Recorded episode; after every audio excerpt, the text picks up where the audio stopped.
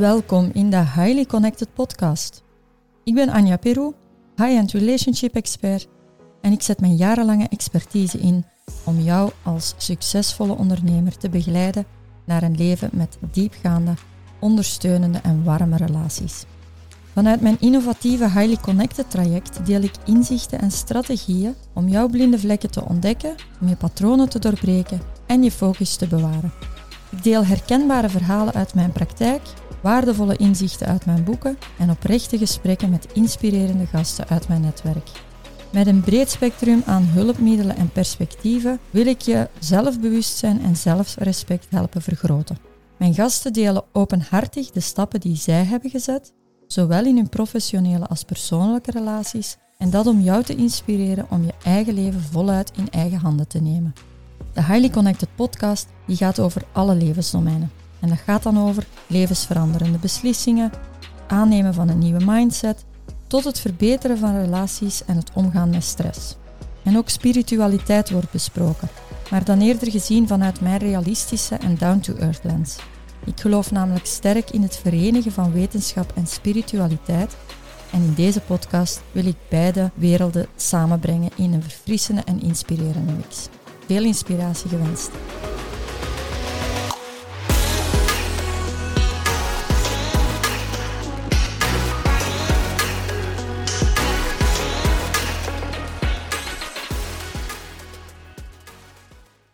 Hallo, in deze aflevering wil ik het hebben over het controlemechanisme dat in ons zelf wakker schiet op het moment dat we voor belangrijke beslissingen staan, belangrijke investeringen die we te doen hebben om verder te groeien als mens en als ondernemer.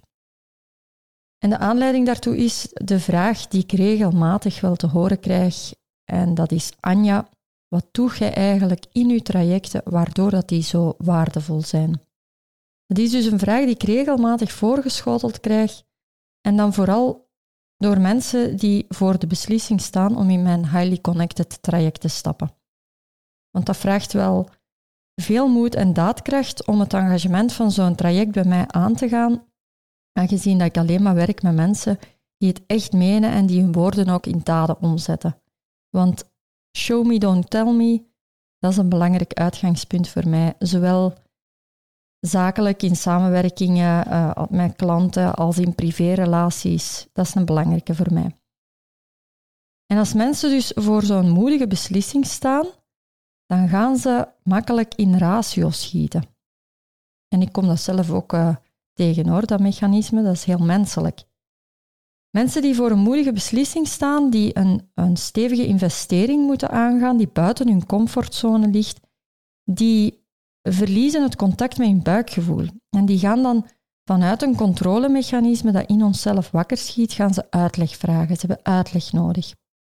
Ze gaan dan allerlei vragen stellen die op dat moment, als je er heel eerlijk bij stilstaat, eigenlijk er niet aan de orde zijn of geen meerwaarde brengen.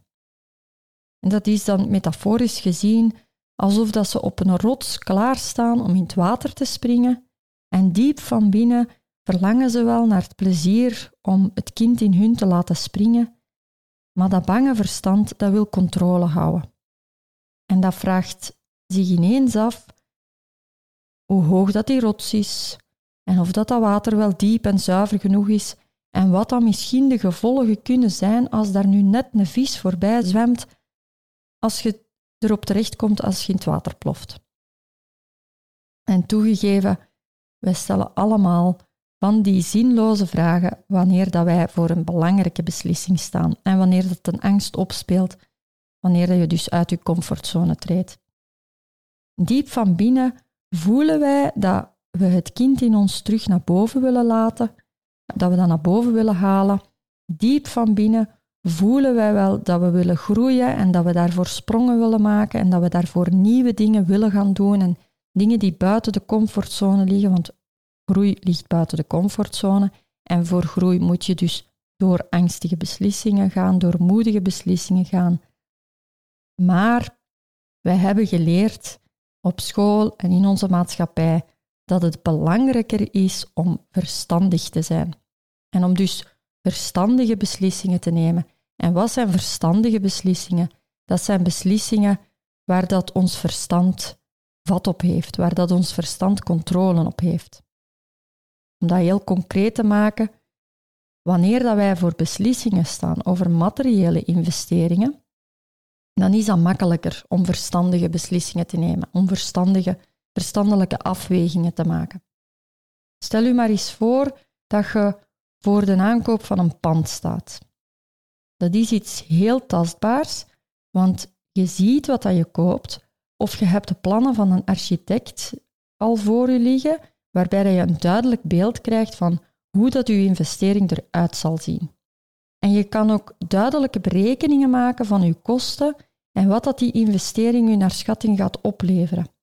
En doordat jij met heldere plannen en cijfers een antwoord krijgt op je vragen, die vanuit je verstand gestuurd zijn dus, dan ga jij met een geruster gemoed die verstandige beslissingen kunnen gaan nemen.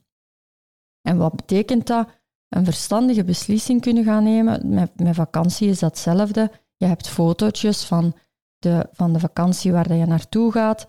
Je hebt ook wel een gevoel dat je erbij hebt, maar het verstandelijke, de verstandige beslissing, die primeert.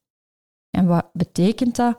Eigenlijk is dat ons controlemechanisme dat naar de buitenwereld toe het ook wilt uitgelegd krijgen dat je een verstandige beslissing gaat nemen. want wat zit daaronder? We denken dan van, ja, wat gaan mensen hiervan zeggen als ik deze beslissing neem of als ik die investering doe, dan moet ik toch goed uitgelegd krijgen. Is het niet aan de boekhouder, dan is het aan, aan de bank of dan is het aan uw ouders.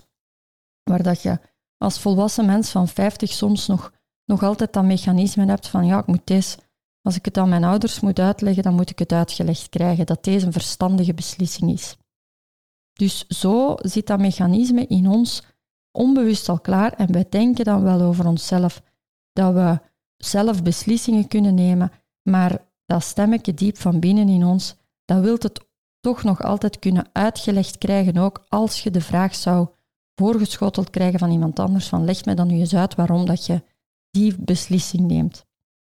Dus met materiële investeringen, daar gaat dat gemakkelijker. Daar heb je cijfermateriaal, daar heb je bewijsmateriaal, waar dat je verstand gerust, je gemoedsrust, je verstandelijke gemoedsrust, je controlemechanisme gerustgesteld is dat je het wel uitgelegd krijgt op basis van de, de cijfertjes. Maar als dat dus over een investering gaat in jezelf als mens en als ondernemer, wat dat dus in een traject bij mij het geval is. Dat gaat over een investering in jezelf als persoon, als ondernemer, gewoon als, als mens. Ja, daar heb je geen duidelijke foto's van of je hebt geen duidelijke cijfers van wat dat die investering u gaat opleveren of welke gigantische kost dat, dat u gaat besparen. Want het gaat dikwijls over de twee richtingen in zo'n highly connected traject. Je gaat enerzijds op verschillende domeinen in je leven kosten gaan besparen, zij het uh, kosten besparen op vlak van scheidingen, dokterskosten of foute, foute keuzes van samenwerkingen die, die je u kunt besparen doordat je dichter bij jezelf, in connectie met jezelf bent, of investeringen die het u oplevert doordat je beter in je relatie, beter in je vel komt te zitten, ga je ook productiever, meer flow hebben in je business, in je bedrijf en gaat dat gigantisch veel gaan, gaan opleveren. Maar daar heb je dus geen duidelijke foto's, geen duidelijk cijfermateriaal, geen duidelijke inschatting van. Dus dat is een intuïtieve beslissing. Dus zo'n beslissingen, dergelijke investeringen, die ga je dus echt wel op basis van je buikgevoel. Buikgevoel primeert daar, omdat je niet die rationele, heldere foto's en cijfertjes voor je liggen hebt waarmee dat het duidelijk is en waarmee dat uw ratio gerustgesteld wordt. En dat is waar dat de meeste mensen het dus heel moeilijk mee hebben. En zeker ondernemers die een groot verantwoordelijkheidsgevoel hebben en die geleerd hebben dat ze alles verstandig en pragmatisch moeten gaan aanpakken. En dat wij daardoor altijd maar meer verwijderd geraakt zijn van onszelf, dat lijken heel veel mensen niet te beseffen. Ikzelf kom dat ook wel regelmatig tegen, ik begrijp dat, want ik zet mezelf ook wel regelmatig in posities waarin dat ik door de angst moet. Als ik voel dat ik voor een volgende groeispurt sta, en groeispurten, uh, die hebben we continu in ons leven.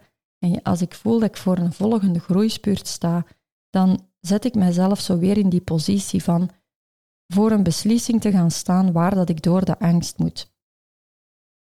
En dan ga ik zo ook altijd terug in gedachten. Ik, ik doe regelmatig wel eens een keer dat ik mezelf in een uitdaging zet. Challenges in het leven, uh, challenges op vlak van avontuurlijke dingen of eens een keer ja, speelse dingen gaan doen, om dat te vertalen naar mijn businessbeslissingen, maar naar mijn beslissingen, investeringen die ik in mijn leven ga doen. En vorig jaar is er zo het voorbeeld geweest van een leap of faith die ik uh, nam ondanks dat ik hoogtevrees heb. Nu, wat, wat hield dat in? Dat was een sprong van een rots, waarbij dat ik niet zag wat dat er achter die rots lag. En we mochten vooraf ook niet eerst even aan de rand gaan kijken. Dat ging er dus om te vertrouwen op de coach, op onze mentor, die ons vertelde hoe dat wij de aanloop moesten nemen en welke stappen dat wij waar moesten zetten. Dat ging dus echt over springen in vertrouwen. En ik weet dat nog heel goed, dat zit, dat zit uh, in het geheugen. Dat was voor mij een berg waar dat ik vanaf moest. En, dat was vooraf al, was ik mij daarvan aan het inbeelden, dat dat... Ik had, ik had er uh, lichtjes al iets vooraf over gehoord. En ik was mij vooraf aan het inbeelden dat dat een, een grote berg was en dat daar een bos was waar dat we over moesten. Echt een, een gigantisch uh, monsterlijk verhaal in mijn hoofd van gemaakt. En het moment dat we daar stonden, dan stelde ik ook nog wel de vraag van, ja, maar mag ik niet eens heel even op de rand zo eens gaan kijken, gaan piepen, zo, zo eens een keer een beetje dichterbij gaan? Nee, dat mocht niet. We moesten dus echt wel vertrouwen op de, op de coach. Ondanks het feit dat hij uitgelegd had wat dat de stappen waren om te nemen, stelde ik de vragen opnieuw. Stelde ik opnieuw van, ja, maar en uh, waar moet mijn voet precies? En leg dat nog eens een keer goed uit. Leg het nog eens opnieuw uit. En um, ja, dus die vragen, die, dat controlemechanisme, dat schiet omhoog, dat schiet keihard in gang, want dat is, ja, dat is bang. Nu, het, ging ook over de leap of faith, de sprong in vertrouwen. Ja, voor mij stond dat symbool aan. Als ik hier nu niet spring, we mochten dus eerst beslissen van ga ik springen of niet. Het was niet dat je verplicht waart. Maar het moment dat ik, uh, voor mij was de beslissing om te springen, was eigenlijk gewoon het feit van, ja, ik heb mij hier in dit programma ingeschreven en als ik hier nu deze sprong niet neem, dat is eigenlijk even goed zeggen tegen die coach, ik vertrouw je niet. En ik vond dat niet kunnen, ik vond dat, dat, dat was zoiets wat dat mij aanmoedigde om toch te springen, omdat ik ook wel wilde laten zien van, ja, maar ik, ik vertrouw u wel. Wist ik ook wel, ergens iets in u weet wel dat die een mens u niet, ja, niet zotte risico's gaan nemen om u de dood in te jagen. Hè? Dus dat er daar wel uh, een vertrouwen mocht zijn. Achteraf bekeken, dat was een fantastische sprong. En ik weet nog dat ik nadien zei, waar heb ik mij toch druk over gemaakt? Wat had het jammer geweest als ik die sprong niet had genomen? Want achteraf bekeken, dat was een, een hele fijne ervaring, waar dat ik achteraf nog kon op terugblikken en waar dat ik achteraf nog, als ik nu voor een beslissing sta, daaraan terugdenk. En een aantal maanden later is dat dus effectief uh, zo geweest. Een aantal maanden later heb ik opnieuw zo'n leap of faith moeten nemen. Of niet moeten nemen, ik heb opnieuw een leap of faith genomen, maar dan in mijn bedrijf, in mijn business.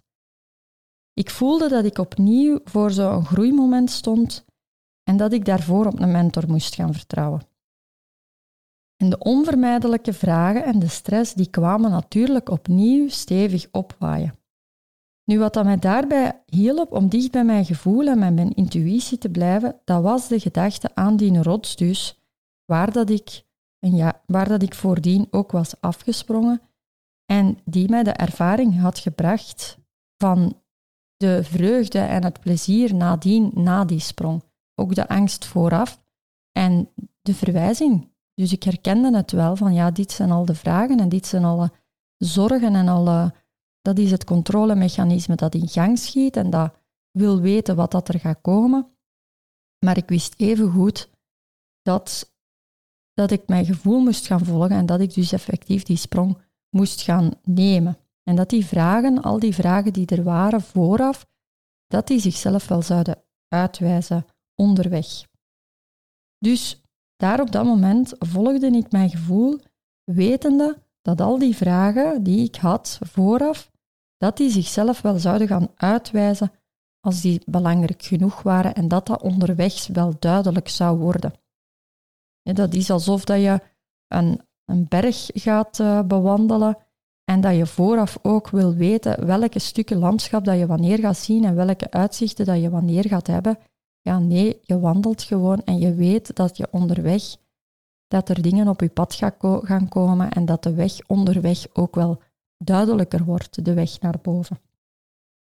Tot hier heb ik nu die vraag bekeken vanuit een invalshoek dat het u iets komt vertellen hè, over de sprong waar dat je voor staat het moment dat je voor een beslissing staat, het moment dat je voor een investering staat, en dat al die vragen die naar boven komen, en als je de vraag stelt, ja Anja, wat doe je eigenlijk in zo'n trajecten waardoor dat die zo waardevol zijn?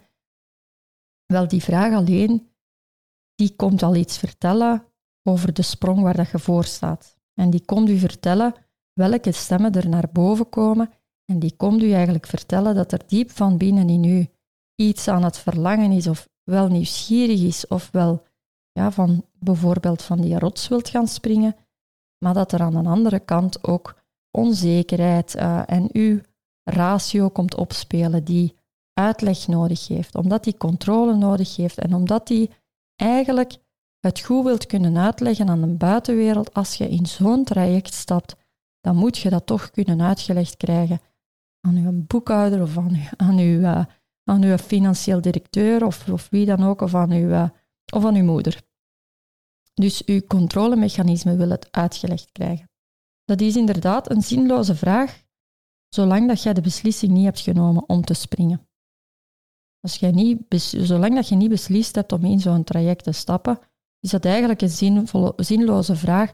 Wat heeft dat dan meerwaarde dat je weet wat er in zo'n traject gebeurt, als je zelf niet van plan bent om daarin te stappen? waar zit je dan je energie in te steken om daar uitleg over te, te moeten hebben, toch? Dat neemt niet weg dat ik die vraag niet beantwoord wil zien. Ik heb zelf ook wel met die vraag heel lang gezeten om voor mezelf en voor mensen die wel in die actie willen, om die concreet te kunnen gaan beantwoorden. Dus ik heb zelf ook wel voor mezelf met die vraag gezeten van ja, wat doe ik dan eigenlijk waardoor dat ik mij toch anders voel dan de meeste coaches en waardoor dat ik ook wel ja, andere reacties krijg van mensen die ook wel de ervaring hebben met verschillende trajecten en die dan ja, bij mij toch ook wel zeggen dat ze, dat ze heel tevreden zijn en soms ook wel de, de reactie dat ze dit al veel eerder hadden moeten doen en al langer geleden hadden moeten doen. Er was lange tijd dat ik het gevoel had dat wat dat ik deed niet zo uitzonderlijk was en dat andere coaches ook wel datzelfde doen als ik. Dus ik voelde mij niet zo niet zo uitzonderlijk of, of niet zo speciaal daarin. Ik dacht van ja, er zijn zoveel coaches die ook waarde willen leveren, kwaliteit willen leveren, opleidingen volgen. Dus, dus ik maakte mij daar ook wel klein in. En ik kon daar ook heel moeilijk woorden op plakken, omdat dat voor mij ook altijd behoorlijk abstract en fluffy bleef. Dus voor mij was dat dan ook moeilijk om, om dat verschil echt te kunnen gaan duiden en dat te kunnen gaan uitleggen tenzij in fluffy, uh, abstracte, typische coachingwoorden, uh, waar dat ik ook zelf niet echt tevreden over was. En toch kreeg ik uit verschillende invalshoeken, uit verschillende richtingen, kreeg ik regelmatig wel eens te horen, ja Anja, die anderen die komen nog niet eens tot aan uw enkels. Ja, en dan vroeg ik mij altijd af, ja, hoe dan en wat doe ik dan anders? Wat, wat is dat dan? En daar heb ik eindelijk een antwoord op gekregen. Niet zo lang geleden heeft uh, een van mijn klanten, Jan, die in mijn Highly Connected traject zit, die heeft er een heel mooi antwoord op gegeven tijdens een van onze wandelsessies die we deden. En ik, ik heb daar echt van nagenoten, nog altijd, omdat dat een cadeau was die, die hij mij in die sessie heeft gebracht. Dat is echt een cadeau geweest, vond ik. Jan is een ondernemer met een heel rijke ervaring in de filmindustrie waar dat hij ruim 100 artiesten heeft aangestuurd. En je moet je je hoeft je er dus niet over te verbazen dat hij verhalen kan vertellen als de beste. En tijdens dus zo'n wandelsessie ik je regelmatig wel aan zijn lippen als die aan het vertellen is. En toen was dat dus ook. Hij vertelde mij hoe hij op school les kreeg over de stoommachine en hoe dat hij zelf spontaan was beginnen schetsen maken over het technisch probleem van de machine, op basis van wat de leerkracht had uh, uitgelegd. En zijn leraar had hem nog het compliment gegeven op dat moment van ja, Jan, moest jij 200 jaar eerder geboren geweest zijn, dan waarde jij degene die de stoommachine had uitgevonden. En dus hij vertelde mij hoe dat, dat allemaal in elkaar zat. En nadat hem die een uitleg had gegeven over die stoommachine, linkte hij dat ineens naar ons traject. En hij zei, ja, Anja, bedankt, want jij hebt mij sterker gemaakt. En als ik dat dan zou moeten verwoorden op welke manier dat ik mij sterker voel, dan zie ik dat op drie vlakken, zei hij. Hij zegt, ten eerste, de stoommachine heeft de bedoeling van iets vooruit te stuwen. Dus je hebt druk nodig. En dat mag niet te veel druk zijn, want dan ontploft een boel. En omgekeerd mag de druk ook niet wegvallen, want dan gebeurt er niks. En tijdens ons traject, zegt hij, heb jij mij geleerd wat dat mij energie geeft en welke energie ik nodig heb om vooruit te komen. En aan de andere kant ben ik mij er nu ook bewust van waar mijn energie van wegzakt en wat dat mij doet afremmen of blokkeren. En ten tweede, zegt hij, heb jij mij er bewust van gemaakt dat er wijzertjes op mijn stoommachine staan om de druk mee te reguleren. En die wijzertjes die gaan dus over mijn triggers, mijn blinde vlekken, mijn automatische piloot, mijn persoonlijkheid en jij hebt mij eerst en vooral geleerd waar dat die wijzertjes juist staan. En dan heb je mij geleerd om te weten waar dat die wijzertjes voor staan en hoe dat ik ze moet interpreteren. En daardoor kan ik nu in elke situatie mijn eigen wijzertjes lezen. En dat gebeurt nog altijd wel met vallen en opstaan, zei hij, soms, soms wat te laat. Maar alleen al die bewustwording, die heeft een heel belangrijke impact. Want ik kan er daardoor nu over waken dat die wijzertjes niet in het rood hoeven door te slagen, maar ook dat ze niet naar onderdruk hoeven terug te vallen. En ten derde zei hij, heb jij mij geleerd om het overdrukventiel te hanteren. En als het dreigt te escaleren, dan weet ik nu hoe dat ik er zelf voor kan zorgen dat een situatie niet hoeft te escaleren, zonder dat dat te veel energie van mij hoeft weg te nemen. Ik voelde bij die hele uiteenzetting kippenvel op mijn armen en ik voelde een grote dankbaarheid, want dat was voor de eerste keer in, in al die jaren dat ik een antwoord kreeg op de vraag die ik zelf nooit heftig beantwoord kreeg. Dat was zo echt mooi in beeld meegegeven wat dat ik eigenlijk precies betekende en hoe dat ik die geholpen had. Nog nooit had iemand mij zo helder teruggekoppeld wat dat er wat er nu juist gebeurt tijdens zo'n traject. Ik heb dus gevraagd of dat ik zijn een metafoor, die een metafoor, of dat ik dat mocht gebruiken in een podcast, in een blog, zodat andere mensen hun vraag daarmee ook helder beantwoord zou kunnen zijn. Dus ik hoop dat bij deze, dat, dat die vraag, enerzijds, wat komt die vraag u vertellen? Uh, dat betekent dat, er, dat uw buikgevoel zegt van, ik heb interesse. En aan de andere kant, maar hoe moet ik deze uitgelegd krijgen aan mijn vrouw, mijn moeder, mijn kinderen, mijn boekhouder of wie dan ook? Uh, dus enerzijds komt dat u iets zeggen, maar anderzijds ook, wat gebeurt er? Je wilt ook wel een antwoord op die vraag. Wel, ik hoop dat dat bij deze, dankzij die metafoor van die stoommachine, dankzij het verhaal van Jan, dat dat ook wel bijdraagt daartoe. En hoe dat dan echt praktisch te werk gaat, ja, dat zijn allemaal die ja, dat zijn zinloze vragen die alleen maar een meerwaarde voor u geven vanaf het moment dat je effectief in die beslissing stapt. Want anders is dat verloren energie. En die, die vragen beantwoord ik uh, zeker van zodra dat, uh, dat iemand effectief met de stappen bezig is. Hè. Dat wordt allemaal duidelijk onderweg.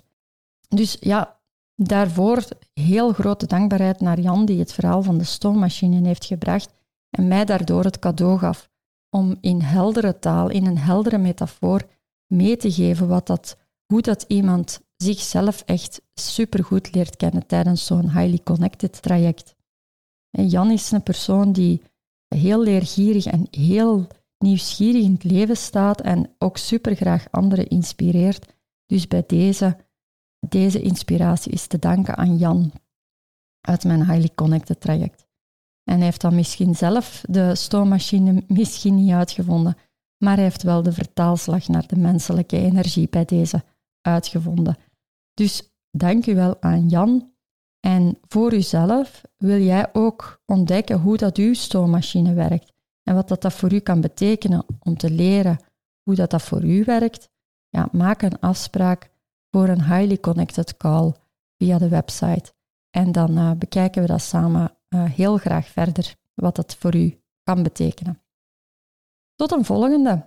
Dag. Wil je graag meer inspiratie? Surf dan naar anjaperu.com of volg mij op LinkedIn, Instagram en Facebook. Je kan mij en anderen enorm helpen door je te abonneren op deze podcast en 5 sterren te geven in de beoordeling. Zo komt de Highly Connected podcast ook makkelijker bij anderen onder de aandacht. Stuur me zeker ook een DM als je een vraag hebt die je graag aanbrengt om in een podcast te bespreken. Dank je wel in elk geval om mij te volgen en je te laten inspireren.